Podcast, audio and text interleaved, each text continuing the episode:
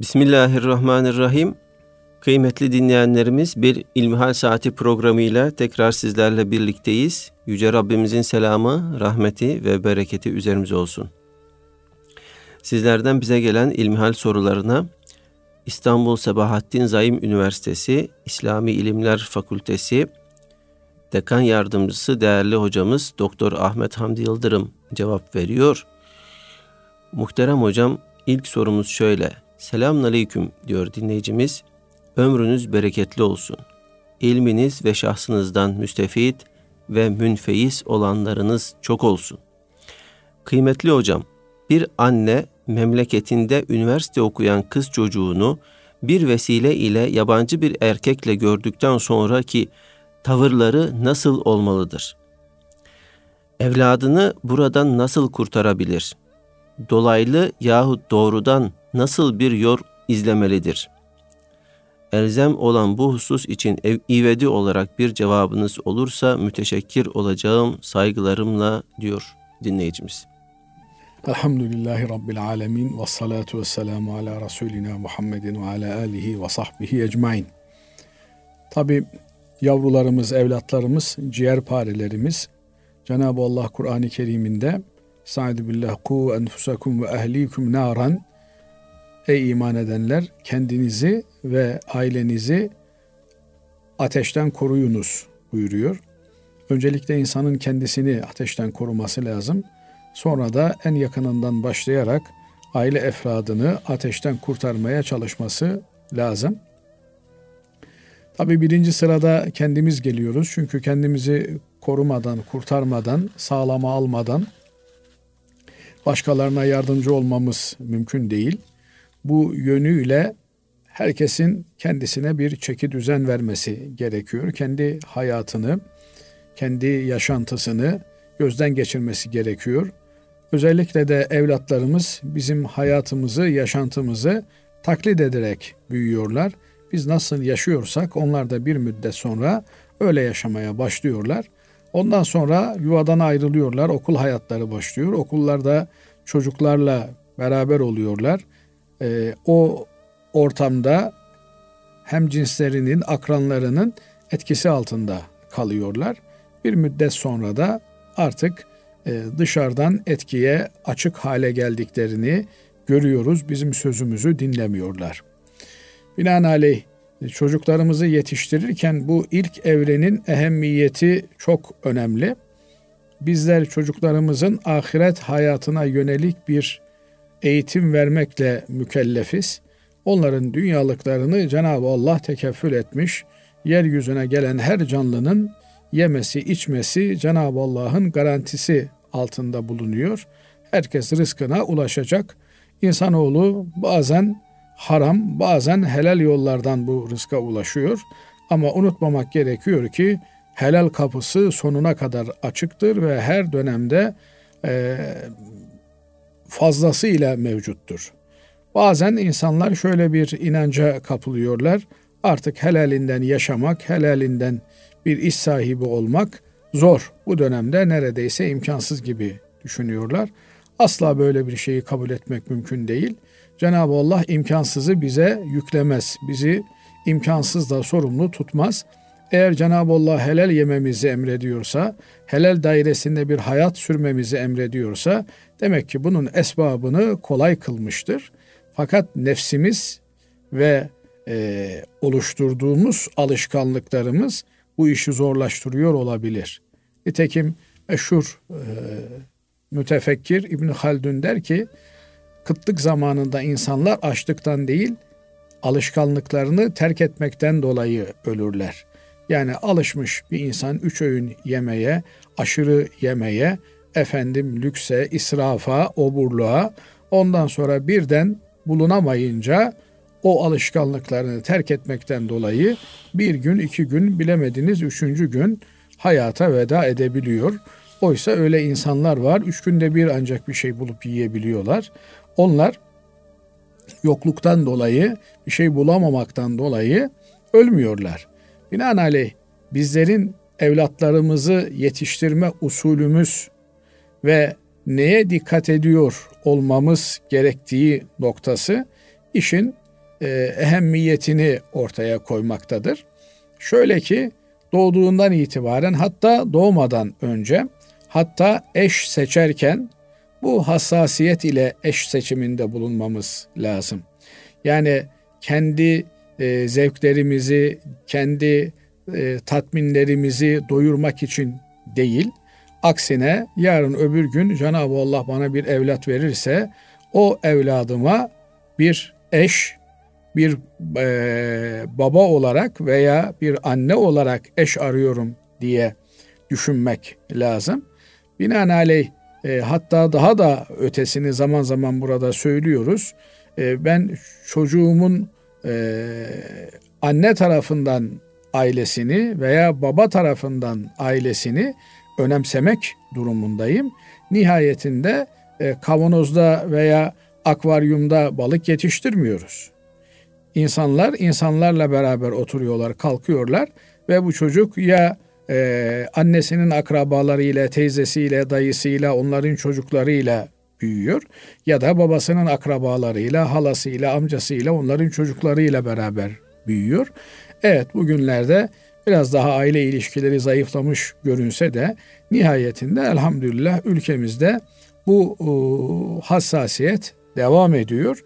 Devam da etmesini ümit ediyoruz. Bununla ilgili de çalışmak, gayret etmek hepimizin boynunun borcu. E, oturduğumuz siteler, e, oturduğumuz muhitler çok önemli. Kimlerle arkadaşlık yapıyoruz, kimlerle oturup kalkıyoruz. Efendim çocuklarımızı hangi okullara gönderiyoruz? Oralardaki ortamlar nasıl ortamlar? Bunların hepsi belirleyici unsurlar. Biz 6 yaşına kadar çocuğumuza aşırı hassasiyet gösteriyoruz. Her türlü mikroptan uzak tutmaya çalışıyoruz. Steril bir ortamda onları büyütmeye çalışıyoruz. Ondan sonra okula gönderiyorsun. Okulda her türlü e, kötülüğe maruz kalabilecek bir ortam söz konusu olursa o zaman bünye de zaten bağışık olmadığı için çok hızlı bir şekilde hastalanma söz konusu olabiliyor. Dolayısıyla artık üniversiteye göndermiş olduğumuz hele de başka bir şehirde bir üniversiteye göndermişsek çocuğumuzu onu uzaktan nasıl kontrol edebiliriz noktası geçmiş olsun denilebilecek bir noktadır. Ee, Cenab-ı Allah tövbeleri her zaman kabul eder. Bunda hiç şüphemiz yok. Bununla ilgili şöyle bir hadisi şerif var. Onu dile getirerek müsaadeniz olursa tevbe ile ilgili yapılması gereken önemli hususları burada dile getirelim. Hz. Peygamber aleyhissalatü vesselam Efendimiz bir defasında İsrail oğullarından anlatıyor. Geçmiş ümmetlerden anlatıyor. Kur'an-ı Kerim zaten geçmiş ümmetlerin hikayelerini bize anlatıyor, kıssalarını anlatıyor. Onlardan ibret almamızı bizden istiyor. Efendimiz Aleyhisselatü Vesselam'ın da farklı hadislerinde geçmiş ümmetlerden ibret alınabilecek hususlar dile getiriliyor. Bunlardan bir tanesi geçmiş ümmetlerden biri vardı diyor Efendimiz. 99 kişiyi öldürdü. Sonra pişman oldu. Katilliğin ne kadar vahşi, ne kadar canice bir şey olduğunu idrak etti. Tevbe etmek istedi. Yeryüzünün en bilgin insanını aradı. Ona filan yerde yeryüzünün en bilgin insanı yaşıyor. Ona git sor dediler. O da gitti. Ben böyle böyle 99 kişiyi öldürdüm. Acaba benim tövbe etmem mümkün mü diye söyledi. O bilgin kişi de e, senin 99 kişi öldürdükten sonra tövben nasıl olacak diye çıkışınca onu da öldürdü, sayıyı yüze tamamladı. Yine pişmanlık onu rahat bırakmadı. Yeryüzünün en bilgin insanını tekrar aramaya başladı. Nihayet kendisine filan yerde yeryüzünün en irfan ehli olan kişisi bulunuyor dediler. Oraya gitti, onun yanına vardı, durumu anlattı. İşte dedi ben dedi 99 kişiyi öldürmüştüm en alim insan kimdir diye sordum. Bana filan zat dediler. Ona gittim durumumu anlattım. O da artık senin tövben olmaz deyince onu da öldürdüm. Ama çok pişmanım. Ben ne yapacağım? Benim tövbem kabul olur mu? diye size sormaya geldim diyor. Bu irfan ehli olan zat ona diyor ki seninle tövbenin arasına kim girebilir diyor. Allah tövbeleri kabul edendir. Buradan anlıyoruz ki ne kadar ağır bir günah olursa olsun, ne kadar efendim e, can alı, can yakıcı bir günah olursa olsun, toplumun kabullenmediği, nefret ettiği bir günah olursa olsun, her günahın tevbesi vardır. Cenab-ı Allah kulunun tevbe etmesini, son nefesine kadar tevbe etmesini bekler. Kul tevbe ederse Cenab-ı Allah ona tekrar mağfiret kapılarını, rahmet kapılarını açar. Yeter ki fırsatı kaçırmadan yani son nefesi teslim etmeden tevbe edebilelim. Fakat görünen o ki tecrübeler gösteriyor ki bir insan nasıl yaşarsa öyle ölüyor. Efendim bataklığın içerisinde bir gün tövbe ederim diye beklemenin bir alemi yok. Çünkü öyle beklerken ölen milyarlarca insan var. Bir an önce insanın aklı başında iken tövbe kapısını çalması gerekiyor. Adamcağız bu habere seviniyor tabii. Yani senin tövbene kim mani olur deyince ben de diyor tövbe ettim diyor. Fakat diyor tövbenin diyor kabul olabilmesi için diyor bir şart var diyor. Ona riayet etmen lazım. Nedir o diyor?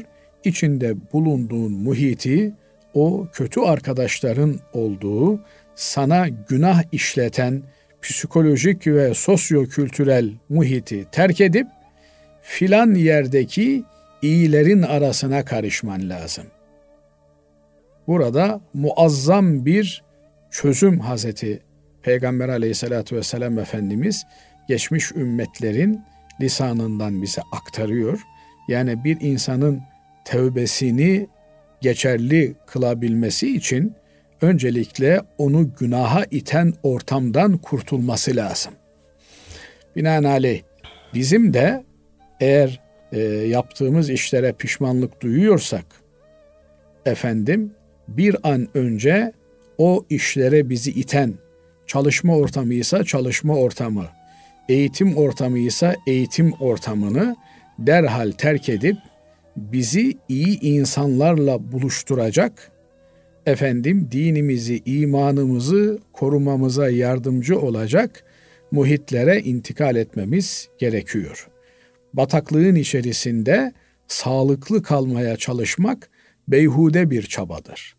Bazen bakıyorsunuz Müslüman bir adam, mütedeyyin bir aile, hiç olmadık bir mühitte, bir semtte ev almış, efendim oranın maddi imkanları iyiymiş, güzelmiş, güneş görüyormuş, bilmem şuyu varmış, buyu varmış. İyi var da ama şeytanların ortasında bir yer orası. Bataklığın içerisinde bir yer. Bataklığın içerisinde sağlıklı kalabilmek ne kadar mümkün? Binaenaleyh bu sebeplerden dolayı dinimiz erkeklerle kadınların olabildiğince ayrı muhitlerde, ayrı ortamlarda eğitim almalarını, çalışmalarını bizlere e, öğütlüyor, tavsiye ediyor. Böylelikle erkeğin kadına, kadının erkeğe karşı olan cazibesi kaybolmasın. Çünkü e, elde edilen, elinin altında hissettiği şeyi insan değersiz görür. Onun kıymetini bilmez. Ama elde edemediğinde, zor ulaştığında onun kıymetini bilir.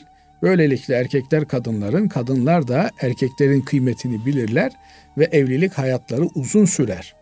Ama evlenmeden önce her şeyin efendim ne olduğunu idrak etmiş olan biri artık evlilik karşısında da isteğini kaybeder.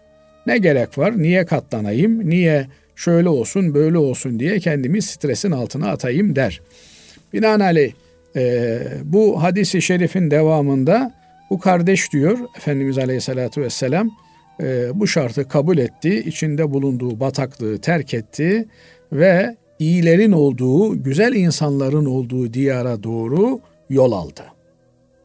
Yolda ölüm meleği geldi, ruhunu kabzetti.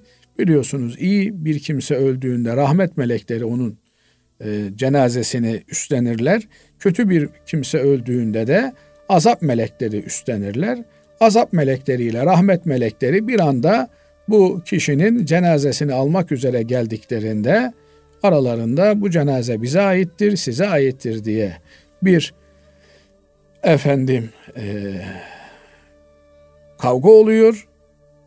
Nihayetinde Cenab-ı Allah'a müracaat ediyorlar. Rivayetler farklı. Cenab-ı Allah e, diyor ki bunun diyor iyilere olan uzaklığıyla kötülere olan uzaklığını ölçünüz. Bir rivayete göre ölçüyorlar. Bir karış iyilerin tarafına daha yakın olduğu görülüyor. Bir rivayete göre e, kötülerin tarafına daha yakın olduğu ama Cenab-ı Allah'ın öbür tarafı kısalttığı böylelikle iyiler tarafına yakın göründüğü.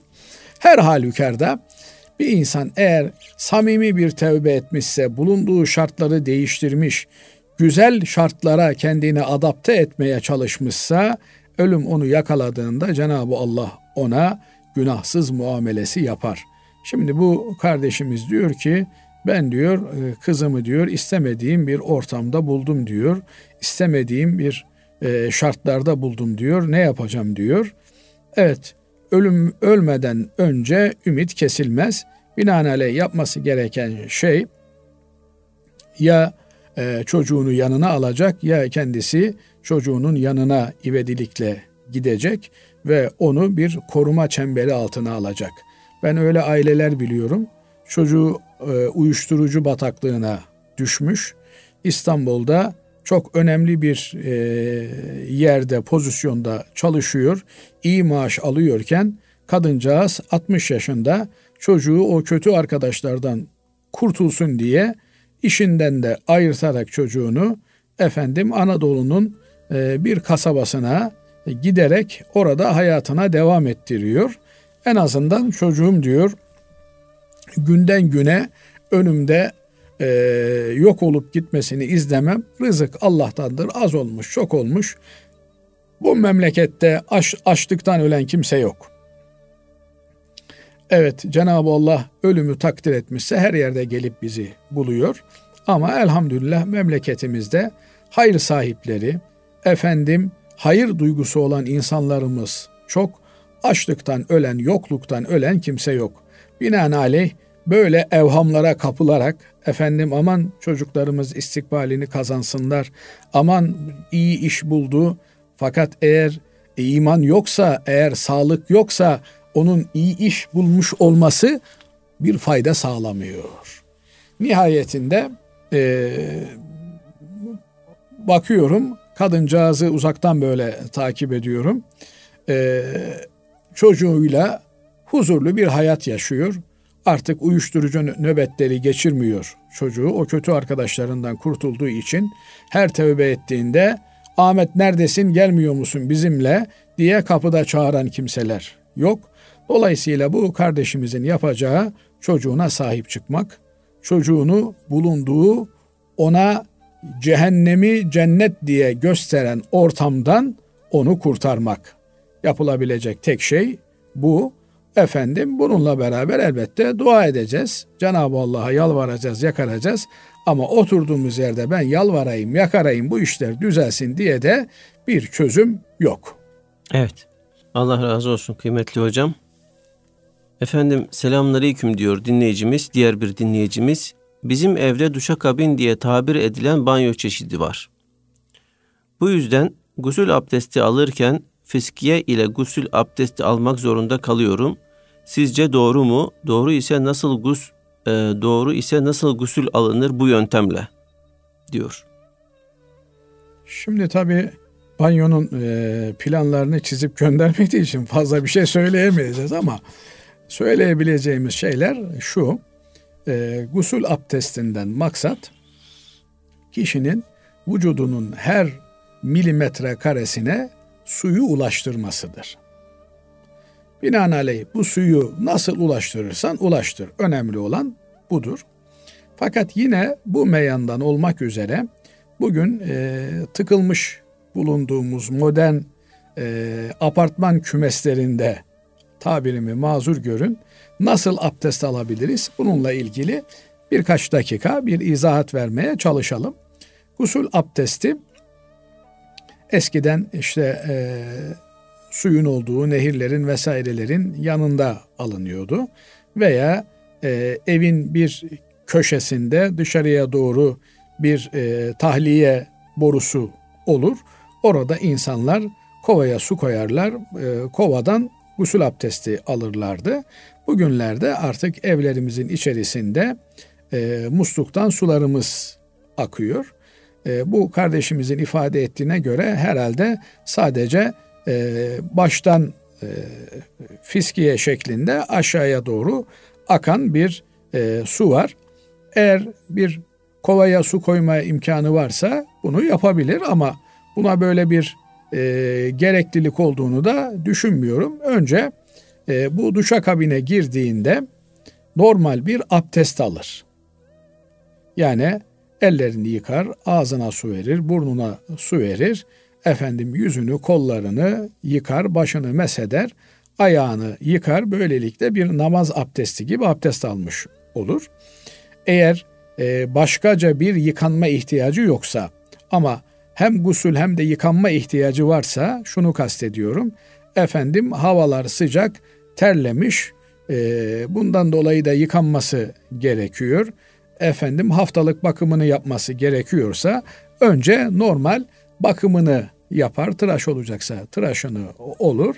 Efendim sabunla vücudunu kirlerden arındırır. Bu normal temizlik için yaptığımız bir yıkama olmuş olur.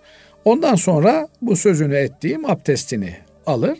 Peşinden de fiskiyenin altına geçer. Önce başını e, fiskiyenin altında tutar.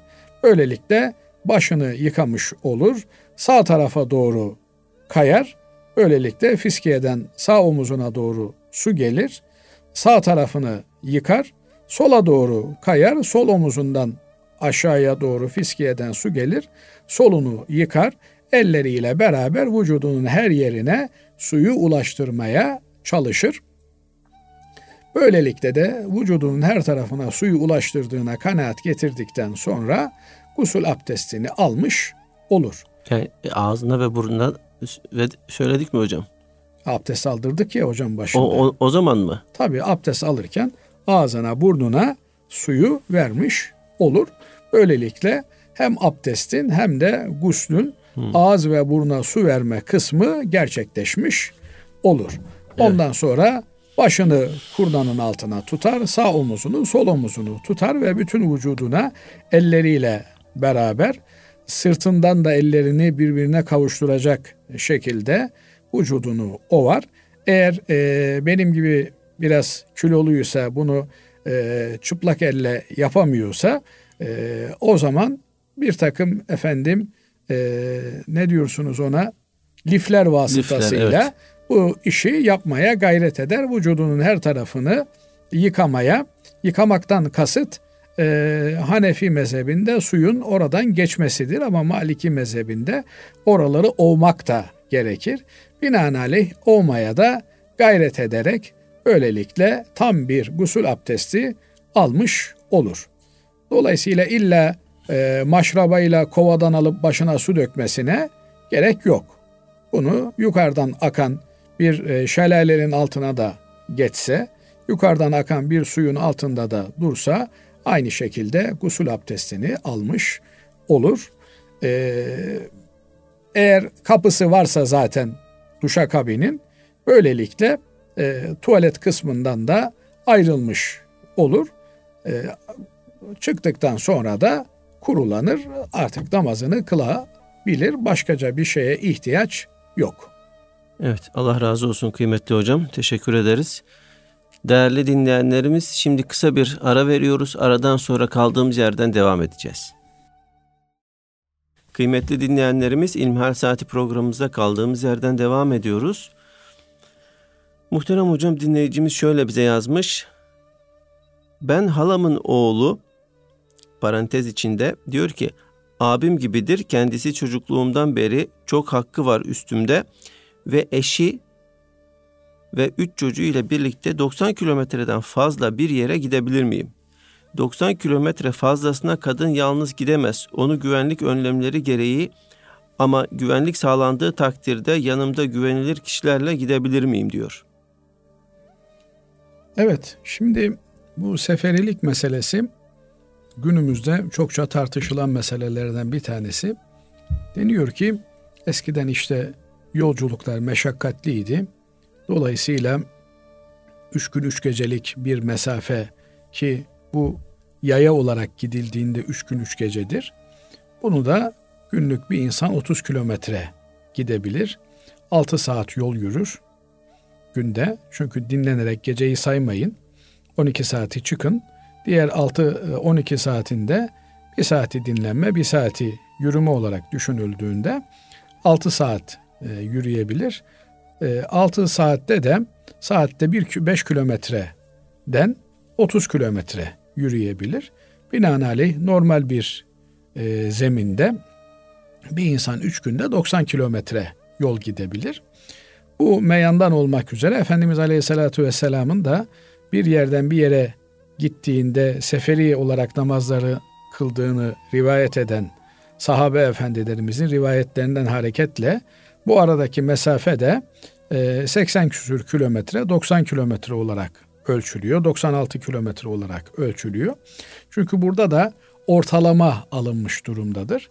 Yani siz eğer e, dik bir yokuş çıkacak olursanız orada üç günde kat edeceğiniz mesafe ile efendim hafif meyilli bir vadide kat edeceğiniz mesafe aynı değildir.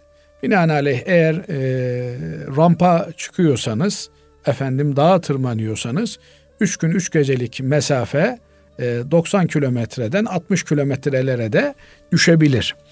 E, binaenaleyh düz yol, yolda bir insan saatte 5 kilometre giderken orada 3 kilometre gidiyor olabilir. Buna göre hesap değişir. Ala hal bunun standardını alimlerimiz 90 kilometre olarak koymuşlar, vazetmişler. Binaenaleyh bu mesafeyi e, aşma durumunda insanlar e, seferi hükmünü alırlar.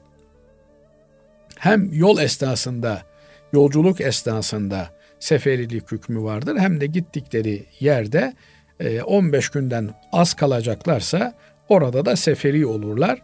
Yani dört rekatlı namazları iki rekat olarak kılarlar. Eğer oruç tutmak bir meşakkat veriyorsa oruç tutmayı Ramazan sonrasına tehir edebilirler.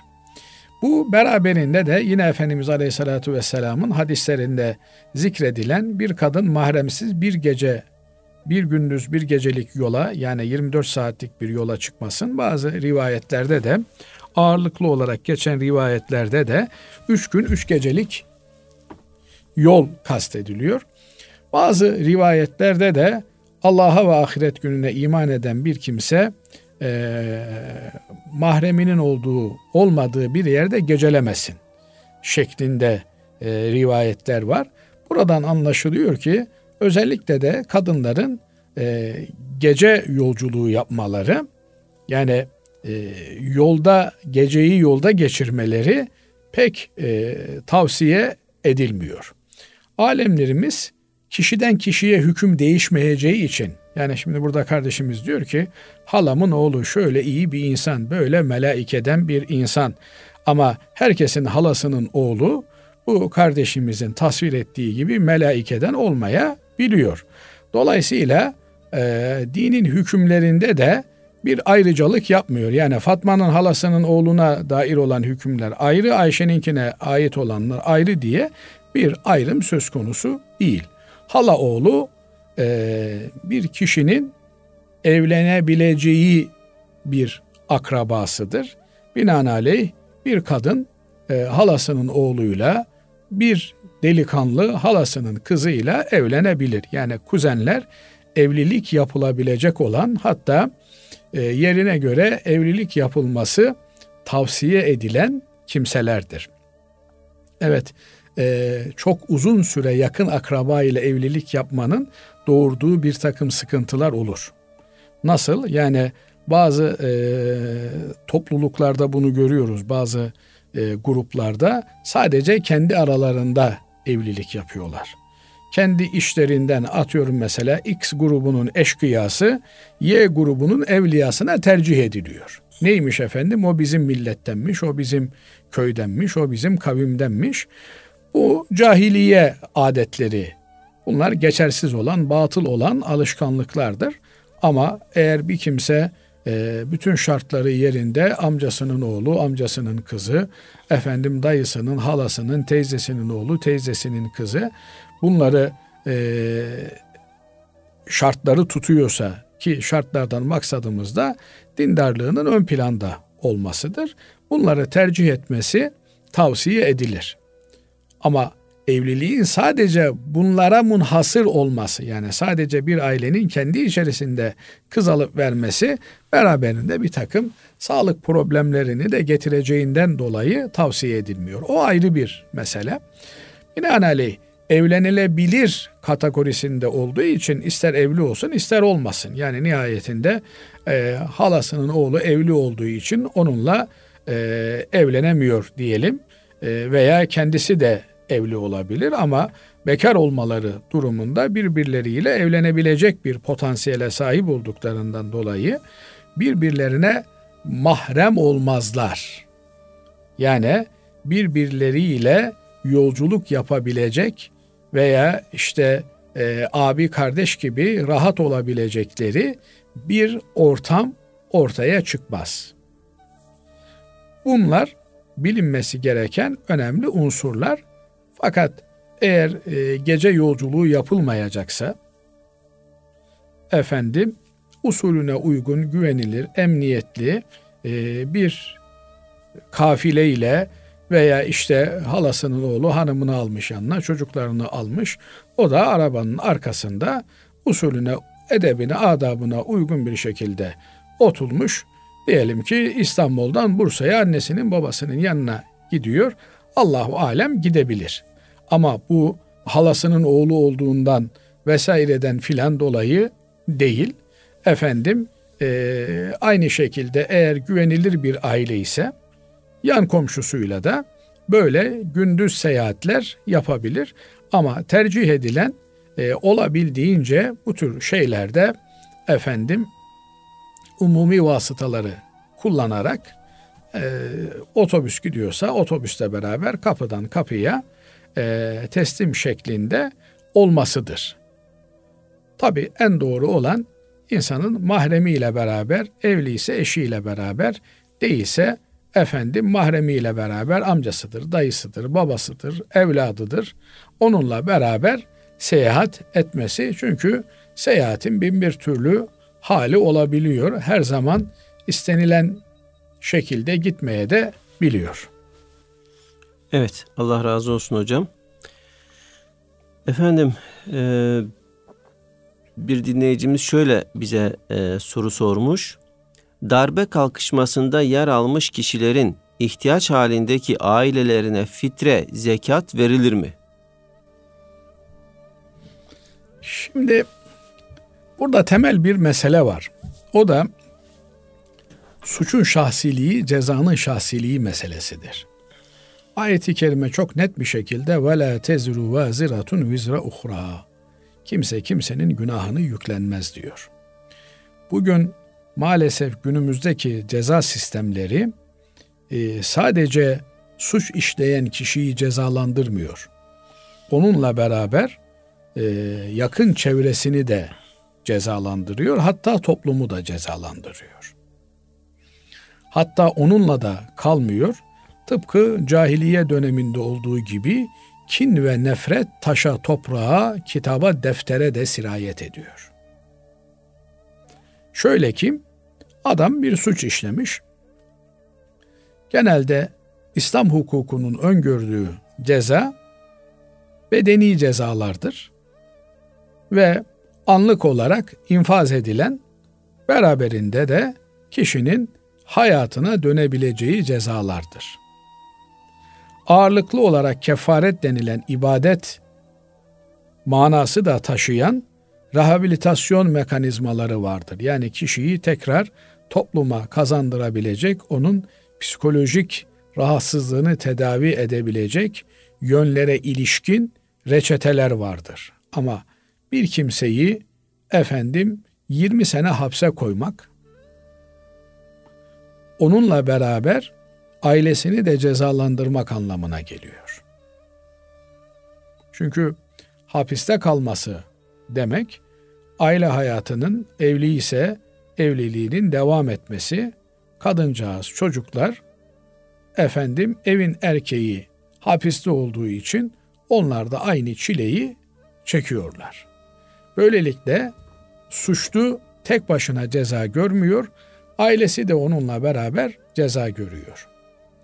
Çoğu zaman suçlu insanlar ailelerine de zulmeden insanlar olduğu için bazen de bu suçlu insanların geride kalan ailelerine yardımcı olanlar suçlu muamelesi görüyorlar. Suça yardım ve yataklık etmek türünden bir muamele ile karşı karşıya kalıyorlar.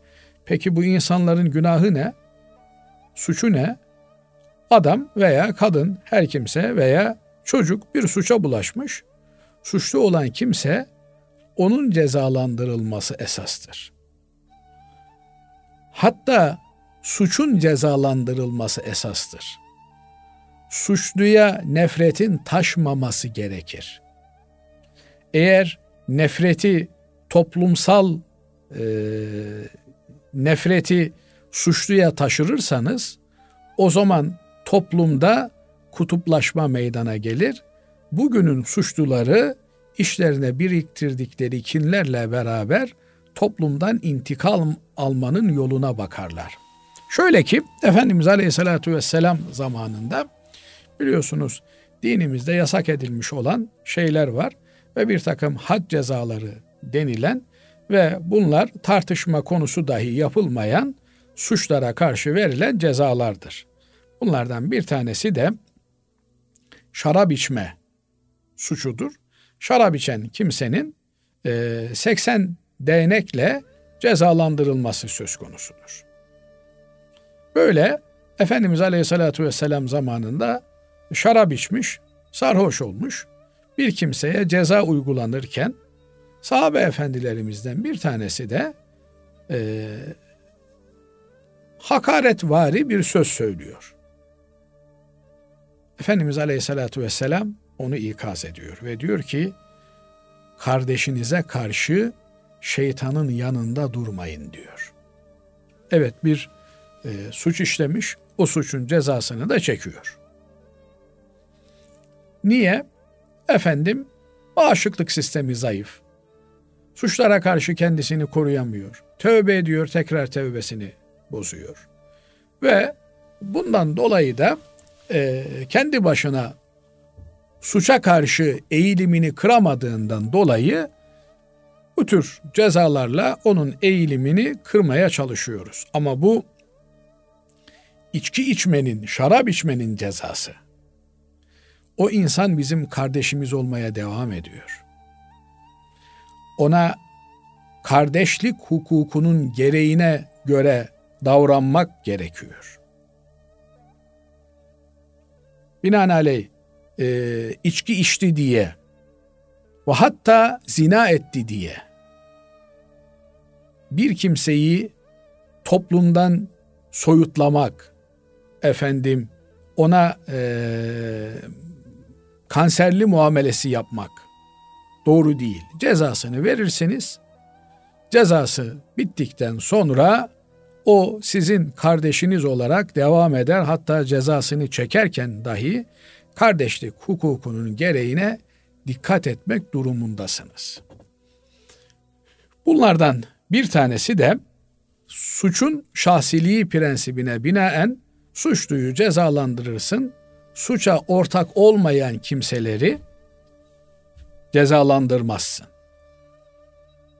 Ama eğer suçluyu devlet hapishaneye alıp orada sabah akşam öğle yemeğini verip hastalandığında tedavi ediyorsa bakın işin garip tarafı da burada zaten Basri Hocam. Adamı darbeye teşebbüsten hapise aldın. 30 yıl hapis verdin. Bu adama hapiste yemeğini veriyor musun? Veriyorsun. Kıyafetini veriyor musun? Veriyorsun. Hastalandığında tedavisini yapıyor musun? Yapıyorsun. E evindeki geride kalan çoluk çocuğu onlara kim yemek verecek? Onların masraflarını kim karşılayacak? Suçlu bir yandan cezasını çekiyor, bir yandan da keyfine bakıyor tırnak içerisinde. Ama onun ailesi asıl cezayı çeken, perişan olan onun ailesi. Binaenaleyh e, bırakın e, suçlunun ailesini, suçlunun kendisine bile insanca davranmayı emreden dinimiz, hiçbir insanın dinine, diyanetine bakmaksızın ihtiyaçlarını gidermeyi bize emreder. Şimdi hocam şöyle yanlış anlaşılma da olmasın. Yani sanki biz yani sal, salı verilsin manası çıkmıyor e, muhakkak buradan. Yani bu bu tür e, suçlara karşı bizim dinimiz e, ne gibi e, cezalar öngörüyor? Yani e, devletin varlığına karşı, toplumun varlığına karşı işlenmiş olan e, suçların en e, belirgin olan cezası idam cezasıdır. İdam edersiniz biter. Ama hapishanede 30 yıl adamı besleyip onun her türlü ihtiyacını giderip ailesini perişan etmenin de bir anlamı yoktur. Yani bu durumda e, mesela e, idam edildiği takdirde ailesi yine e, reisten mahrum kalıyor. O, zaman İslam toplumuna düşüyor onun e, ailesinin bakımı, ihtiyaçların giderilmesi. Hayır kadın tekrar evlenebilir, evlenmez, e, evet. çoluk çocuğu e, meşhur bir mesele vardır. E, insanlar beklenti içerisine girdiklerinde ölürler. Anam rahmetli derdi ki evladım kaybolacağına derdi. E, ölsün ölüsünü bulayım, mezarını bileyim, gideyim orada bir Fatiha okuyayım ama her gün gelecek mi gelmeyecek mi diye bir e, beklemenin ızdırabı içerisinde olmayayım. Şimdi diğer yandan da ben sizin endişenizi anlıyorum. Yani buradan sözlerimizden başka şeyler çıkartılır mı diyorsunuz. Diğer yandan da ben de şunu söylemeye çalışıyorum. Evet bir e, dini kullanan bir örgütle mücadele halinde devlet. Devlet kendini korumaya almaya çalışıyor. Fakat mücadele böyle olmaz. Yani bu örgüt Kur'an bastı diye Kur'anları toplatmak, bu örgüt bir fıkıh kitabı bastı diye kitapları toplatmak, bu örgüt bir tefsir kitabı bastı diye o tefsir kitaplarını efendim suçlu olarak görmek, bunlar mücadeleyi sulandırmaktan başka bir şey değildir. Yani eğer bir e, olayı sulandırmak istiyorsanız alakalı alakasız herkesi onunla ilgili itham edersiniz. Böylelikle olayın ciddiyeti kaybolmuş olur. Nitekim mesela masonlarla ilgili böyle derler. Toplumda kim varsa meşhur onu mason olarak işte efendim Pelevne gazisi ee, Osman Paşa. Osman Paşa da masondu. Filan Şeyhülislam masondu. E onlar da masonsa biz de mason olalım. Şimdi öyle bir noktaya getiriyorlar ki hiçbir şekilde uzaktan yakından bu örgütle alakası olmayacak, olamayacak kişilerle ilgili de böyle ithamları ortaya atarak insanların bu örgüt karşısındaki sert duruşu da bozuluyor. Binaenaleyh kaldı ki e, bu tür sosyolojik vakalarla mücadele polisiye tedbirlerle cezai hükümlerle olabilecek işler değildir. Bunlar zamana yayılarak da çözümlenecek meseleler değildir. Aksine e, zamana yaydıkça daha çok e, kemikleşmelerinin önü açılmış olur. Diğer bir mesele de e, Hazreti Ömer'den nakledilir. Bin tane suçlunun sokakta gezmesi bir suçsuzun ceza almasından daha ehvendir der. Oysa bugün bakıyoruz günümüz hukuk sistemlerinde özellikle de batıda insanlara sen suçsuz olduğunu ispat et. Amerika'da adama kardeşim benim gözümde sen suçlusun, suçsuzsan ispat et. Böyle bir saçmalık olmaz. Evet suçlu olduğunu düşünüyor olabilirsin. Ama ispat edemediğin sürece ona suçsuz muamelesi yapmakla mükellefsin. Bin kişi böyle ortada geçsin ama suçu olmayan bir kişi suçsuz yere cezalandırılmasın. Aksi halde onlarla hiçbir ilgisi, ilişkisi olmayan kimseler de bu gördükleri muamele karşısında onların safına kayacak, onların sempatizanı haline gelecektir. Binaenaleyh e, yapılması gereken şey eğer böyle bir yakınınızda bir aile var, komşunuz var, Evet mesela işte babaları diyelim ki e, tespit edilmiş böyle bir örgütün içerisinde bulunmuş. E, Allah yardımcınız olsun. Siz de istemezdiniz babanızın böyle bir yanlış yolda olmasını. Allah babanızı da affetsin. İnşallah e, düzelir. Eğer ailesini kazanabilirseniz ailesinin üzerinden suçluyu da kazanabilirsiniz. Ama ailesini de ötekileştirirseniz, onu da yalnızlaştırırsanız o zaman aile içeride hapiste olan yakınına sahip çıkmaya başlar. Böyle olunca da kemikleşme söz konusu olur. Ama mesela bugün bakıyorsunuz Diyarbakır'da bir terör örgütünün elinde olan evlatlarını tekrar kazanabilmek için aileler nöbet tutuyorlar. Ailelerden bir psikolojik destek bulamadığında insanlar bir müddet sonra çözülürler. Yapılması gereken ailelerle bu suç örgütü arasındaki bağı koparmak, ailelerin rehabilitasyonuna çalışmaktır. Onu yapılacak olan da benim kanaatimce toplumdur.